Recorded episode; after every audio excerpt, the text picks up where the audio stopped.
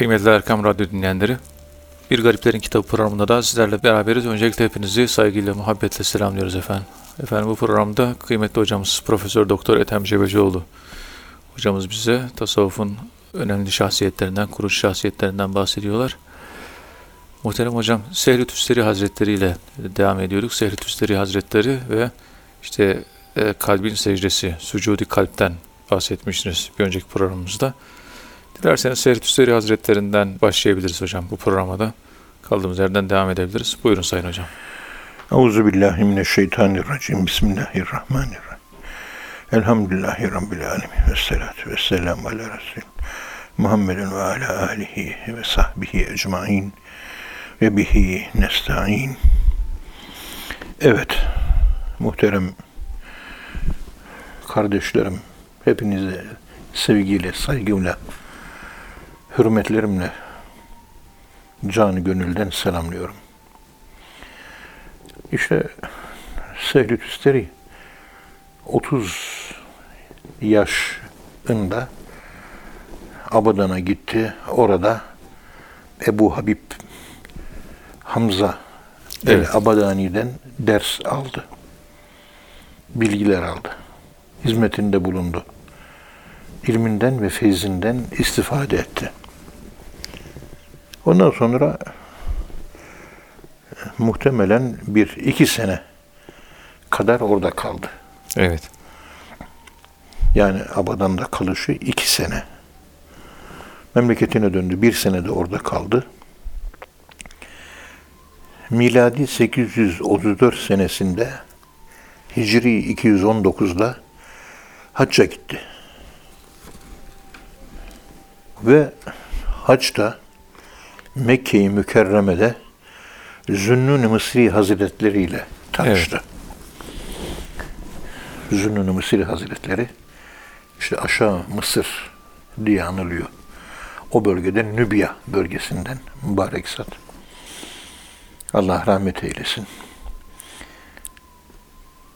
Ve ondan da istifade etti.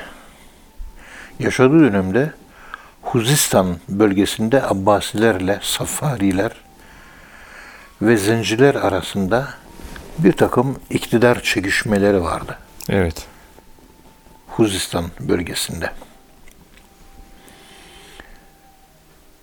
Onları gördü Sehli Tüsteri Hazretleri. Yani dünya menfaatinin insanları birbirini öldürmeye, cidale, savaşa, katletmeye, öldürmeye, yaralamaya, yıkmaya nasıl sebep olduğunu gördü, şahit oldu. Ve 877'de Basra'ya gelip Güney Irak'ta yerleşmek zorunda kaldı. Evet. Yani İran Körfezi'nin hemen kenarında yakın bir bölge hemen kenarında liman şehri Basra. Hasan-ı Basri'nin memleketi. Memleketinden ayrılışı bazı kaynaklarda siyasi şartlardan çok dini mezhebi sebeplere dayandırılmıştır. Şia hakimiyeti, e kendisi de ehl sünnet vel cemaat vesaire. Ondan dolayı fikir ayrılığı ondan dolayı ayrılmıştır diye deniliyor. Evet. Bir başka rivayete göre etrafındaki insanlar, o bölgenin halkı Sehli Tüsteri meleklerle konuşuyor. Cinlerle konuşuyor. Şeytanlarla konuşuyor diye etrafında iddialar oluşmuş. Ve bunlar tabi halkın yoğun tepkisini çekmiş. Basra'ya gidişi esas bu, yüz, bu yüzdendir deniliyor. Ebul Fereç, İbnül Cevzi Evet. 192. sayfada olayı bu şekilde anlatıyor. Yani çevresi yanlış anlamış. Diğer bir rivayete göre ise tabi bu bunun sebebi de şu vahiyçi. Şimdi Muddin Arabi'de var. Evet. Mağribi'ye sordum diyor. Ondan sonra Şami'ye sordum, Yemeni'ye sordum diyor falan. Maşriki'ye sordum diyor. Kendi melekeleriyle konuşma. Evet. Yani dört melek var ya Cebrail, Cebrail meleke olarak bizde var. Mikail, Mikaili meleke olarak bizde var. Ezrail, Azraili meleke. İsrafil, İsrafili melekler bizde meleke olarak var. Bizde var. O yönlerimizi kullanarak hakikati o yönlerimizde kendi içimizde bir define kazıcılığı yaparak işte arke kazıcılığı yaparak arkeoloji yaparak o hazineye ulaşma bunu bizim tasavvuf erbabı çok yaparken dışarıdan bunun görünüşü cinlerle konuşma, şeytanlarla konuşma, meleklerle konuşma gibi gözükmesi de normaldir. Çünkü bilmiyor insanlar. Hmm, bilmiyorum. Evet. Onun için halkın arasında fazla karışmamak, halkın arasında fazla girmemek lazım. Evet. Bu durumda olanların. Kendi uzlet köşesinde kendi içindeki hakikatleri ortaya çıkaracak arkeolojik kazmalar ve kazılar yapıp hazineyi bulma yolunda çaba sarf etmelidir. İşin doğrusu budur ama toplumdan soyutlanamıyorsun. Camiye namaz hakkında. Evet. Bir soru soruluyor, düşünüyor. Kendi iç aleminde mırıldanıyor. Ondan sonra cevap veriyor. Deniliyor ki, aa cinlerle konuştu. Aa meleklerle konuştu. Halk bunu bilmediği için bilmediğinin kişi düşmanıdır. Evet. E, buna benzer bir takım işte bu tür bir takım e, nedenler muhtemelen e, Sehl-i Tüsteri'nin o bölgeyi terk etmesine sebep olmuştur. Evet. Yani e, sosyo-mobbing diyoruz biz buna. Mahalle baskısı. Bir başka rivayete göre memleketini yani Huzistan'ı terk etmesinin sebebi bir siyasi sebep var. Bir mezhebi sebep var. Bu şekilde yanlış anlaşılması var. Diğer bir rivayete göre kulun aldığı her nefeste tövbe etmesi farzdır diye bir ibare kullanmış. Yani her nefeste estağfurullah, estağfurullah, estağfurullah Her, diye nef- her, nefeste tövbe etmek farzdır dediği Evet. için. Bu söz onun manevi ilmindeki şöhretini kıskanan fakih alimlerin, zahir alimlerinin hepsinin tepkisini çekmiş ve aleyhinde yürütülen kampanya ile, mobbing ile, sosyo mobbing ile, mahalle baskısıyla memleketinden ayrılmak zorunda kalmıştır. Yani tövbe bir kere dersin.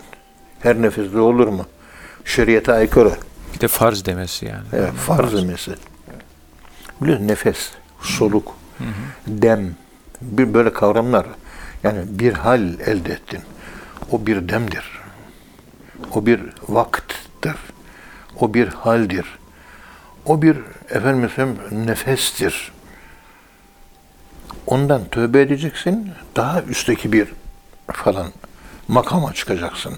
Haller ve makamlarla alakalı bir kavram Evet. her bir makama geçtikçe o makam daha yukarıdaki makama göre düşük olduğu için Ya Rabbi düşük bir makamda kaldım, daha yükselmem lazım. Bu düşük makamdan dolayı estağfurullah deyip bir üst makama çıkmayı anlatan bir ifade bu.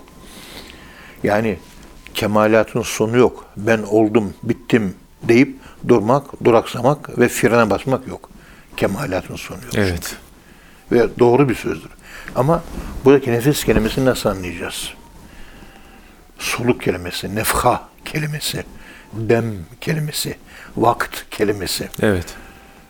Ya zamanla alakalı ama bu nefes kelimesi Kur'an-ı Kerim'deki zamanla ilgili kelimelerin tamamı hep manevi tekamülle alakalıdır diye bunu defalarca ben bu radyo konuşmalarında ifade ettim.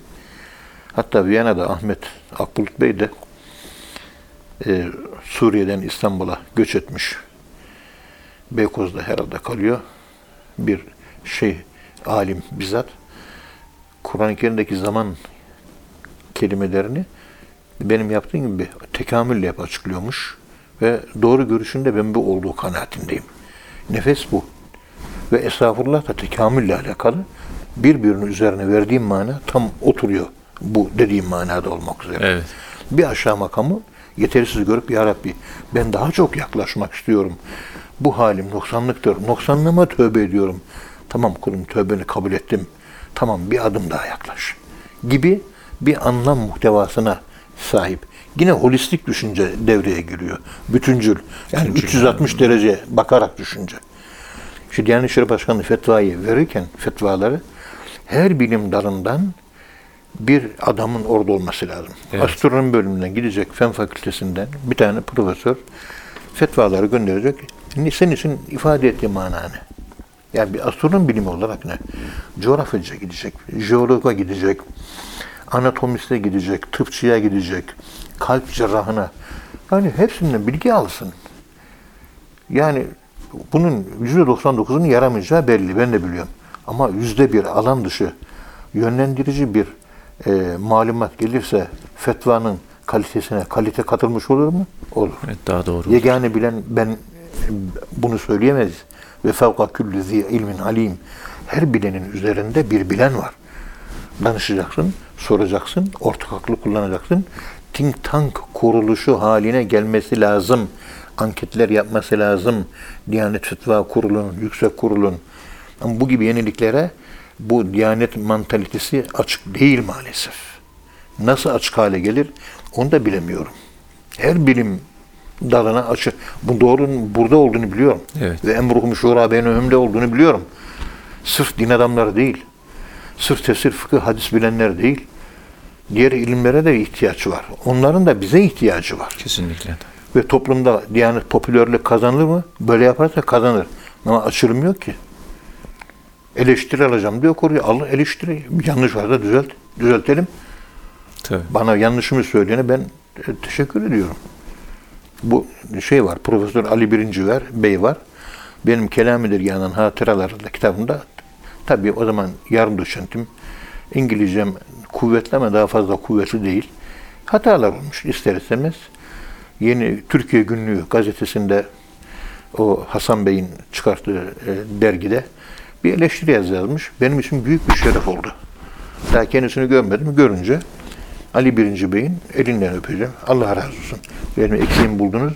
Ben de eksiğimi gördüm. Fakat beni eleştirirken de onun düştüğü iki yanlışı buldum. Evet. Onu ben kendisine söylemem. Ama iki tane yüzde yüz yanlışı var. Evet. Ama yaptığı altı ya sekiz tane yanlıştan altısı kesin doğru. Elini de öperim, ayağını da öperim. Kusurumu söylüyor. Tabii. Hepimizin kusuru olur ya. Keşke yapmaz, yap ama bilerek değil, bilmeyerek. Tabii. Ee, Daha yeni yardım doçentiz, doktoradan yeni çıkmışız. Ee, Daha bir sağı solu tanıyamamışız. Yani yeni piyasa, kabuktan yeni çıkmış civcivler nasıl olur? Evet. Onun gibi şaşkın ördek gibi dolaşıyoruz ortalıkta. O pozisyondaydık. Evet. Şimdi silahlı pusatlı çıkıyoruz ortaya. Kalkanlarımız var, zırhlarımız var, bıçaklarımız, oklarımız, yaylarımız, kılıçlarımız var, mızraklarımız var. Yani şimdi öyle çıkıyoruz. O zaman öyle bir şey yok. Saf çıkmışız, tertemiziz. Ee, olacak. Olabilir Acemilik, yani? toyluk. Yani, yani herkesin. Tabii. Ama e, hay- hala ben hayranlık duyuyorum. Ta bu eleştiriyi yapalı 25 sene oldu Ali Birinci Bey. Ben hayranım. Evet. Allah ondan bin kere razı olsun. Ve ben, ben de kademe atlamaya sebep oldu. Onu bu yüzden bak dikkat edin hayatımda önemli bir dönüm noktasıdır bu. Evet. Allah razı olsun Harun biraz kahrımı çekiyor. E, Mehmet çekti, sen de çektin falan kahrımızı çektiniz. Allah bin kere razı olsun. Yani hizmet ettiniz bana. Hakkınızı ödeyemem. Allah sizden razı olsun. Yavrum. Şimdi ağlamakla ilgili bir yazı vardı elimde. Bir sayfaydı. Tahsih ettim. İki sayfaya çıktı. Tahsih ettim. Dört sayfaya. Ama Ali Birinci Hoca'nın bana yapmış olduğu o eleştiri bende bunu uyandırdı. Yanlış yapmayayım. Dipnotları düzgün kullanayım. Ve fikir örgüsünü düzgün işleyeyim. Üç tane makale çıktı ağlamak üzerine. Evet. Ağlamanın kozmik değeri nedir diye. Yani bir sayfadan 21 sayfalık makale çıktı. Harun da şu, bütün makalelerim de öyle. Önce bir sayfa ilk sayfadır. Harun der ki, hocam acaba bu kaç, kaç sayfa olacak? Vallahi oğlum ben de bilmiyorum. Yaradan Mevla ne kadar verirse o kadar olur. Bu kadar oluyor. Kaynaklar bol bol, zengin, çeşitleyerek, yorumları, fikir örgüsünü e, düzgün kullanarak, mantık işleyişlerini sağlıklı olarak alakasız mantık yürütmeleri de biliyorsunuz. Bir insanın akademik zekası, akademik aklının yetersizliğini gösterir. O da çok önemli. Evet. Alakasız fikirlere yana koyar. İkisinin arasını buluşturamazsan o zaman Tamam. birisini birisini alacaksın, birisini terk edeceksin. İkisini alınca o zaman evlendireceksin o fikirleri. Evet. Ya bir sürü biliyorsun makale yazmak öyle kolay değil. Evet. Ki etrafta da pek çok cengaver kellemizi uçurmak üzere beklerken. Yani Evet. o da var işin içinde. Bir hata yapsa da eleştirsek diyen yığınla da adam var. İşte Ali Birinci'nin yaptığı bu eleştiri beni çok mutlu etti. Allah makamını cennet etsin. Allah sevaplarımın hepsini ona versin. Efendim burada işte tövbe etmesi farzdır e, her nefeste. Nefesin ne manaya geldiğini zahir alimleri bilmiyor. Bizim tasavvufta kullandığımız ne? Ve subuhi izâ teneffes. Her soluk alış. Teneffesi soluk almak. Evet. Nefese soluk almak, soluk vermek. Ve subhi izâ nefeset demiyor. Teneffes. Teneffese diyor tefaül babından. Evet. Yani sabahı yeniden bir doğuş gerçekleştiriyor. Diriliş. Nasıl diriliş? Nasıl mı? Her hücrenin içinde o hücreye enerji veren mitokondri var. Ruhumuzun da kendine göre enerji veren mitokondrileri var. Bilemiyoruz. Letaif işte bunlardan birisi. Evet. Şakralar. Bir enerji alıyoruz. İman güçleniyor. İşte Allah zikri. 300 tane kalp, 300 tane ruhtan çekiyorsun. 300 tane sır, 300 300 tane hafi, 300 tane ehva. Şimdi bu mitokondriler bunlar mı acaba? Ama güç kazanıyorum, diriliyorum ben. Onlar güç alma merkezleri, güçlenme merkezleri. İman güçleniyor. Evet. Yorumlarken zahir alimler bunların manasını bilmediği için istemez istemez cahillikten kaynaklanan bir eleştiriyle tasavvuf erbabını eleştiriyorlar. Eleştiriyorlar. Evet. Bu yüzden kadılar sufilerin pek çoğunun, çoğunun kellesi gitsin diye fetva vermişlerdir. Molla Cami'nin dediği gibi kühkün ez kelleha bahir kun ez hunima bizim kellelerimizden tepeler yığdılar, kestiler, tepeler yaptılar. Kanlarımızı akıttılar, okyanuslar yaptılar. Bu zahir alimleri diyor. Evet. Ne, ne güzel değil mi? Çok da güzel ifade. Kökkün ez kelleha, bahurkun ez hunima. Evet. Bilmiyor. Bir söyleyecek bir şey yok. Bilmiyor deyince konuşacak. La- Lafın bittiği yer. Sadece zahirini görüyor. Bazen Allah razı olsun Faruk Beşer Bey takdir ettiğim bir fıkıhçı. Ama ne zaman tasavvuf konusuna girse, ne zaman girse o kendi fıkıh alanında uzman. Tamam. Takdir de ederim. Fetvalarını da izliyorum ben. Yani yapıyorum. Evet. Bana göre ehli takva ve fetvasına uyulur bir insan. İşin uzmanı yani. Ama tasavvuf konusuna gelince yani yazdığı yazıların hepsine ben katılamıyorum. İlim adamı ama kendi alanın. Kendi Bizim alan değil. Ben bu konuyu bilmiyorum deyip kenara çekip edeple hareket etmesini şahsen arzu ederim. Ama e, o noktada bir olgunluğu herhalde zaman alacak daha. Yaşlandı, saçı aklaştı benim gibi değerli bilim adamı. Fetvalarına uyarım ben onun. Hamdi Döndüren Bey'in, Evet. Faruk Beşer'in benim yanımda değerleri var. Fetvayı verirler, uygularım. Yani al falanca, el barakadan al diyor. Alırım. Şuradan alma, almam. Ne derlerse uyarım.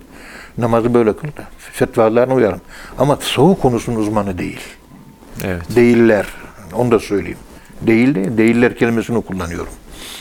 Bu alan bambaşka bir alan. Bakın be- yorum yaparken hemen her nefeste tövbe etmek farzı. Farza ayrı bir mana verdik. Ondan sonra tövbeye ayrı bir mana verdik. Nefese de ayrı bir mana verdik. Evet. Zahir alimleri verdiğimiz mananın dışında mana veriyorlar. Bizim kendi aramızda tasavvufta geliştirdiğimiz, kullandığımız bir dil var. Ayrı bir dil var. Langaj farklı. Aynı langajı kullanmıyoruz. Efendim Sehlü Tüsteri bu şekilde Muharrem 283'te 896 senesinde 896 senesinde yani 818'de doğduğuna göre 78 yaşında Basra şehrinde vefat etti. Allah rahmet eylesin. Ve 80 senelik bir ömür sürmüş. Fakat 906 yılında öldüğü de rivayet ediliyor ama bu ihtimal zayıftır deniliyor. Evet. Allah razı olsun hocam. Kıymetli dinleyenler programımızın birinci bölümünün sonuna geldik. İkinci bölümde tekrar birlikte olacağız inşallah. Efendim şimdi kısa bir ara. Huzur bulacağınız ve huzurla dinleyeceğiniz bir frekans. Erkam Radyo, Kalbin Sesi.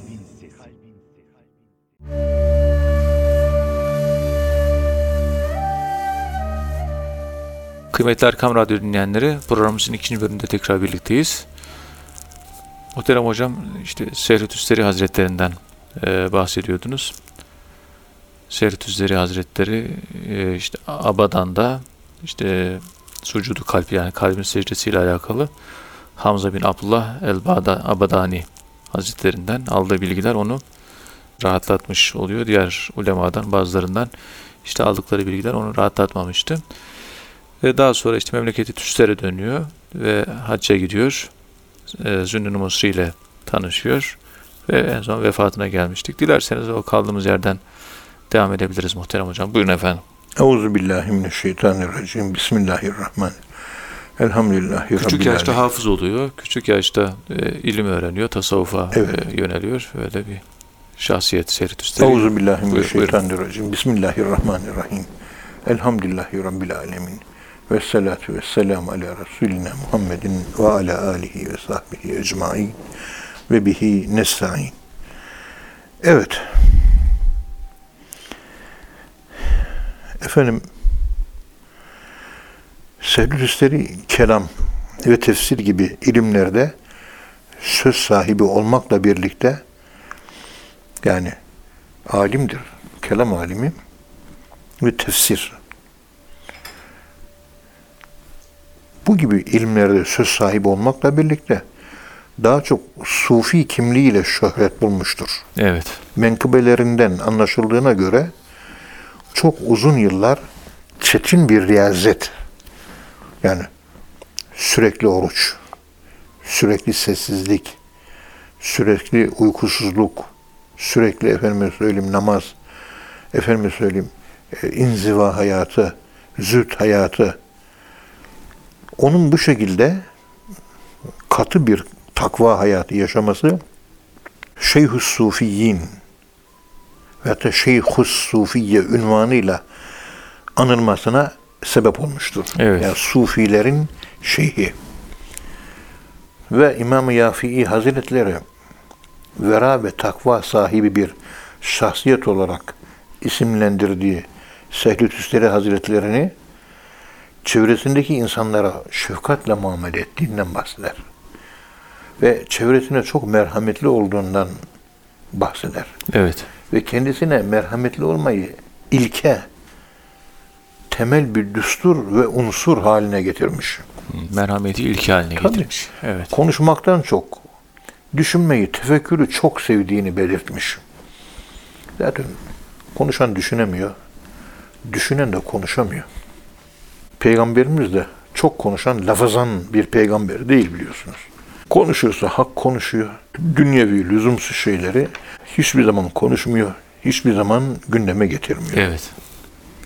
Kaynaklarda onun birçok kerametinden söz edilmekle birlikte kendisi kötü huyların iyiye dönüştürülmesini en büyük keramet olarak görür. Yani Yani kötü e, ahlaktan iyi ahlaka dönmeyi en büyük keramet olarak değerlendirmiş. yani nefisten hakka yöneliş öyle diyelim. Bu şu oluyor. O TRT'de yapmış olduğumuz radyo konuşmasında farkındaysan Hucuri'den bir tövbe alıntısı vardı. Evet. Avam tabakasının tövbesi hata yapar, Hatadan hatadan doğruya. e, doğruya bitti. Yani hatayı terk etmek. Ama havas tabakasına gelince iyiden daha iyiye, Doğrudan daha doğruya veya iyiden, doğrudan daha doğruya. iyiden daha iyiye. Üçüncü ehasül havasının özelliği ise nefisten hakka. Evet. İşte Anlatmak istediği bu olmuş oluyor. Ve Hasül Havas'ın bu şekildeki davranışı yani nefisten hakka dönebilmek kerametin en büyüğü. Yani dürüst olmak, ahlaklı olmak en büyük keramet. Evet. Bana bizim tasavvuf dilinde en büyük keramet istikamettir diye formüle edilmiştir. Doğru bir insan mısın? İşte en büyük şeref budur. Keramet şeref manasına geliyor. Evet. Efendim şeriatla hakikati uzlaştıran bir sufi diye nitelendirilen Sehl-i Tustari, tasavvuf anlayışını Kur'an'a sarılmak, sünnete uymak, helal lokma yemek, eziyetten kaçınmak, günahlardan uzak durmak, tövbe etmek ve hakları yerine getirmek şeklinde yedi esas çevresinde özetlemiştir. Tabi bunların hepsi tek tek incelemesi lazım. Birinci madde tasavvuf anlayışı Kur'an'a sarılmak. Kur'an'a sarılmak. Hani bizim bir tasavvuf anlayışımız vardı ya. Evet. Kur'an-ı Kerim'i peygamberimizin yaşadığı Yaşadığı gibi yaşamaya yaşamak. tasavvuf diyorduk. Evet. Kendi kafamıza göre değil. Peygamberimizin anladığı ve yaşadığı gibi anlamak ve yaşamak tasavvufun kendisidir. Tasavvuf yolunda değilseniz peygamberimizin yaşadığı İslam'ı yaşayınız. Peygamberimizin yaşadığı Kur'an'ı yaşayınız. Bitmiştir olay. Evet. İşte Önce Kur'an. Arkasından ne geliyor? Hemen sünnet. Yani ehli sünnet düşüncesinin teşkili ve oluşumu Selef döneminde işte mürciye hareketiyle başlatılıyor biliyorsunuz. Evet. İmam-ı Azam'la vesaireyle. Zaten İmam-ı Azam Hazretlerinden 30 sene sonra doğmuştur. Bakın geleneksel ehli sünnet çizgisi çok kalın çizgiler halinde sağlam otoritelerin sağlam fikirleriyle zamanımıza kadar gelmiştir Evet. ve dinin ana gövdesini bu oluşturmuştur. Ve Müslümanlar bu yüzden birbirine düşmemiş, birbirini yememiş. Avrupa'da olduğu gibi 300 yıl savaşları, 75 yıl savaşları, 125 yıl savaşları yapmamışlar. Birbirlerinin kanlarını dökmemişlerdir. Evet. Başka helal lokma yemek. Bak, helal lok. Haram lokmadan keramet zuhur etmez. Haram lokmadan insan vücuda gelmez. Evet. Helal lokma. Başkalarına eziyet etmemek, kırmamak ve kırılmamak. Rahmetli Sami Efendi Hazretlerimiz Kuddisesi Ruhul Aziz böyle söylerdi. Kırmamak, kırılmamak. İncitmemek, budur derdi. İncitmemek kolay. Kendime hakimim. Ama hiçbir zaman başkasının sözünden incinmemek o da kolay bir şey değil derdi. Evet. Rahmetli. Günahlardan uzak durmak. Haramlara yaklaşmamak. Yani işlemek değil, uzak durmak. Şurada bir haram mı işleniyor? Ona uzak kalın. Dedikodu mu yapıyor? Hemen uzaklaşacaksın. Bir meyhanem var. Uzaktan git. Evet. Faiz mi var? Faizin uzağından git. Yakınında durma. Ve tövbe etmek. İşte bu şekilde yedi tane kendisine göre bir e, çerçeve oluşturmuştur. İbnül İmad onun tasavvufi meşrebinin daha çok melametiliğe benzediğini söyler. Yani şekle önem vermeyen, özü esas alan ve özde derviş olan sözde değil. Öyle yapıya, öyle bir yapıya sahip. Ve kınayanın ve la yehafune levmete laimin kınayanın kınamasından korkmamak. Evet. Kınayanın Kınamasından kınamasından korkmamak. Bu da önemli. Yani eleştiriye gelemiyoruz. Halbuki eleştiren, bak az önce Ali Birinci Bey anlattım. Allah razı olsun. Onu ben seviyorum. Çünkü beni akıllı, uslu, güzel bir e, eleştiri, eleştirdi bundan 25 sene önce. Doğruydu. Çok mutlu oldum. Allah ondan tekrar tekrar razı olsun. Bana bir şekil ve kıvam verdi yaptığı eleştiri. Evet. Böyle biraz salladı ve kendime geldim. Yani gençtim o zaman. Keşke daha çok eleştirilsem de daha çok yanlışlarımı giderebilsem. Yani yanlışsızlık yok. Can hatasızlık yok tabi. Herkes, Hatasız herkesin olmaz. hatası noksanı olur. Hangi akademik makale gelirse gelsin inceleyin. Bir bir yerinde bir yanlışlık oluyor. Evet. Yeter ki üzerine düşün. Ama biz yanlış peşinde koşup da onun bunun hatasıyla nemalanmak isteyen sadist bir ruha sahip olmadığım için hata yapanları akademik etik kurullarına sevk edip ekmeğiyle oynamak gibi alçaklıkları hiçbir zaman irtikab etmeyiz biz. Evet. Bizim Yapıcı, ahlakımız uygun değil. yapıcı olmak. Hamdolsun. Çok sayıda öğrenci ve mürit yetiştiren Sehlü Tüsteri'nin en meşhur öğrencisi Hallacı Mansur'dur. Hallacı Mansur, Sehlü Tüsteri'nin imalatıdır. Daha doğrusu Hallacı Mansur'un pek çok hocası var. Talebe Bir tanesi de Sehlü Tüsteri'dir. Bu cümleyi böyle kullanırsak Evet. daha doğru olur. iki yıl boyunca ders almış bir şeyler. 16 yaşında Hallacı Mansur Sehli Tüsteri'nin yanına geliyor. İki yıl boyunca ona hizmet etti. Ondan ders aldı. Evet. Dikkat edersen vay için bak görüyorsun. Bir İslami gelenek değil mi bu? Yani ders aldı ve hizmet etti. Hep onu uyuyor. Tabii. Bütün İslam tarihi bundan dolu. Yani burada bak farkındaysanız öğretmen ve talebe münasebeti değil. Baba oğul münasebeti var. Evet. Bir yakınlık var ya. Talebesini cebine parasını koyuyor. Para almıyor. Evet. İhtiyacı var gideriyor. Kızıyla evlendiriyor. Efendim söyleyeyim düğününü yapıyor. Kitabını veriyor. Hayatta yön gösteriyor. Maddi manevi kalkındırıyor. Bugün öğretmenlerden hangisi böyle vahit? Yok. Eğitim yok o zaman ya. Yok. Evet. İşte bizim fakülteyi görüyorsun. Bizim tasavvuf kürsündeki bu birlik beraberliğimiz diğer kürsülerde hep takdirle karşılanmıyor mu? Evet. Bizim Ankara İlahiyat Fakültesini söylüyorum. Niye? Hepimiz baba, oğul, kardeş öyleyiz. Küsmek yok. Aman Evet. kurban olayım. Fikirlerimiz uyuşuyor mu? Uyuşmuyor. Ama birlik halindeyiz. Bir olamayız. Evet. Hepimiz kullanılmış değiliz Bir değil. Ama birlik halindeyiz. Ve bunun korunması lazım. Bizden biz, istenen de وَاَعْتِسَمُوا بِحَبْلِ cemiyan ve la teferraku. Ayet-i kerimenin manası bu. Birlik. Sen halatın bu tarafından tutunuyorsun. Sen de oradan tutunuyorsun. Ama aynı halata tutunuyoruz biz. Evet. Aynı Kur'an'a, aynı sünnete yapışıyoruz biz. Ve bunlar çok önemli. Birlik, beraberlik için. Birlik, birlik beraberlik. Keşke İslam aleminin bu şifrelerinin çözümünde birlik nasıl olunurun felsefesini işleyebilsek. Birlik olalım diye herkes söylüyor. Nasıl olunacağını kimse söylemiyor. Mevlana Celaleddin Rumi Hazretleri Mesnevisinde diyor ki ben buradayım diyor. Burada. Ve dertliyim ben diyor. Derdimin çaresi de burada bakın görüyorsunuz diyor. Ben burada kendimi görüyorum. Çarem de orada onu görüyorum. Ama ben o çareme nasıl ulaşacağım? Hangi yoldan gitmem lazım?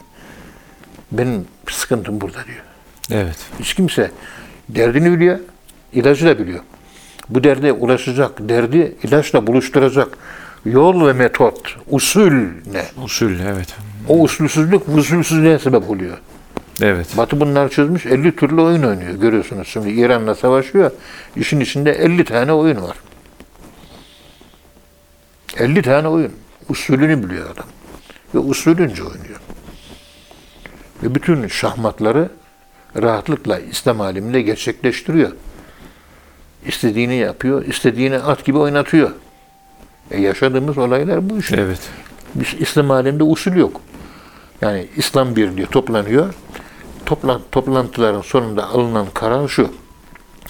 İttefekû ala men la En la yettefikû. Evet. Ala en la la İttefekû ala en la yettefikû. Anlaşmamak üzere anlaşıyorlar. Vardıkları anlaşma su. Arkadaşlar hiçbir konuda anlaşmayacağız. Bu konuda anlaştık diyorlar. İslam alemi bu. Yani usulsüzlük var. Ve la teferrakû diyor Kur'an'da ayetler var. Onu dinleyen yok. Ta Amerika'daki Mason hocalarından, Yahudi bilmem centerlarından, Bilderberglerden, bilmem Rothschildlerden, Soroslardan talimat oradan geliyor, onlar uygulanıyor. Evet. Bir de kendi başına, sen çocuk değilsin, büyüdün. Sezai Karakoç onun için diyor ya, bu ümmeti Muhammed daha 8 yaşında çocuk diyor. Büyümediği için bu dayakları yemeye devam edecek diyor. Yiyeceğiz bu dayakları. Aklımız büyümemiş. Evet. Yani bu gelenek çok önemli. Eğitimde baba oğul gibi olunca öğrenci hocasına sırtını dayıyor. Hocası bir güven kaynağı oluyor. Yani rakibi olmuyor, düşmanı olmuyor. Muhat yani şey oluyor. Sığınacak bir kapı oluyor.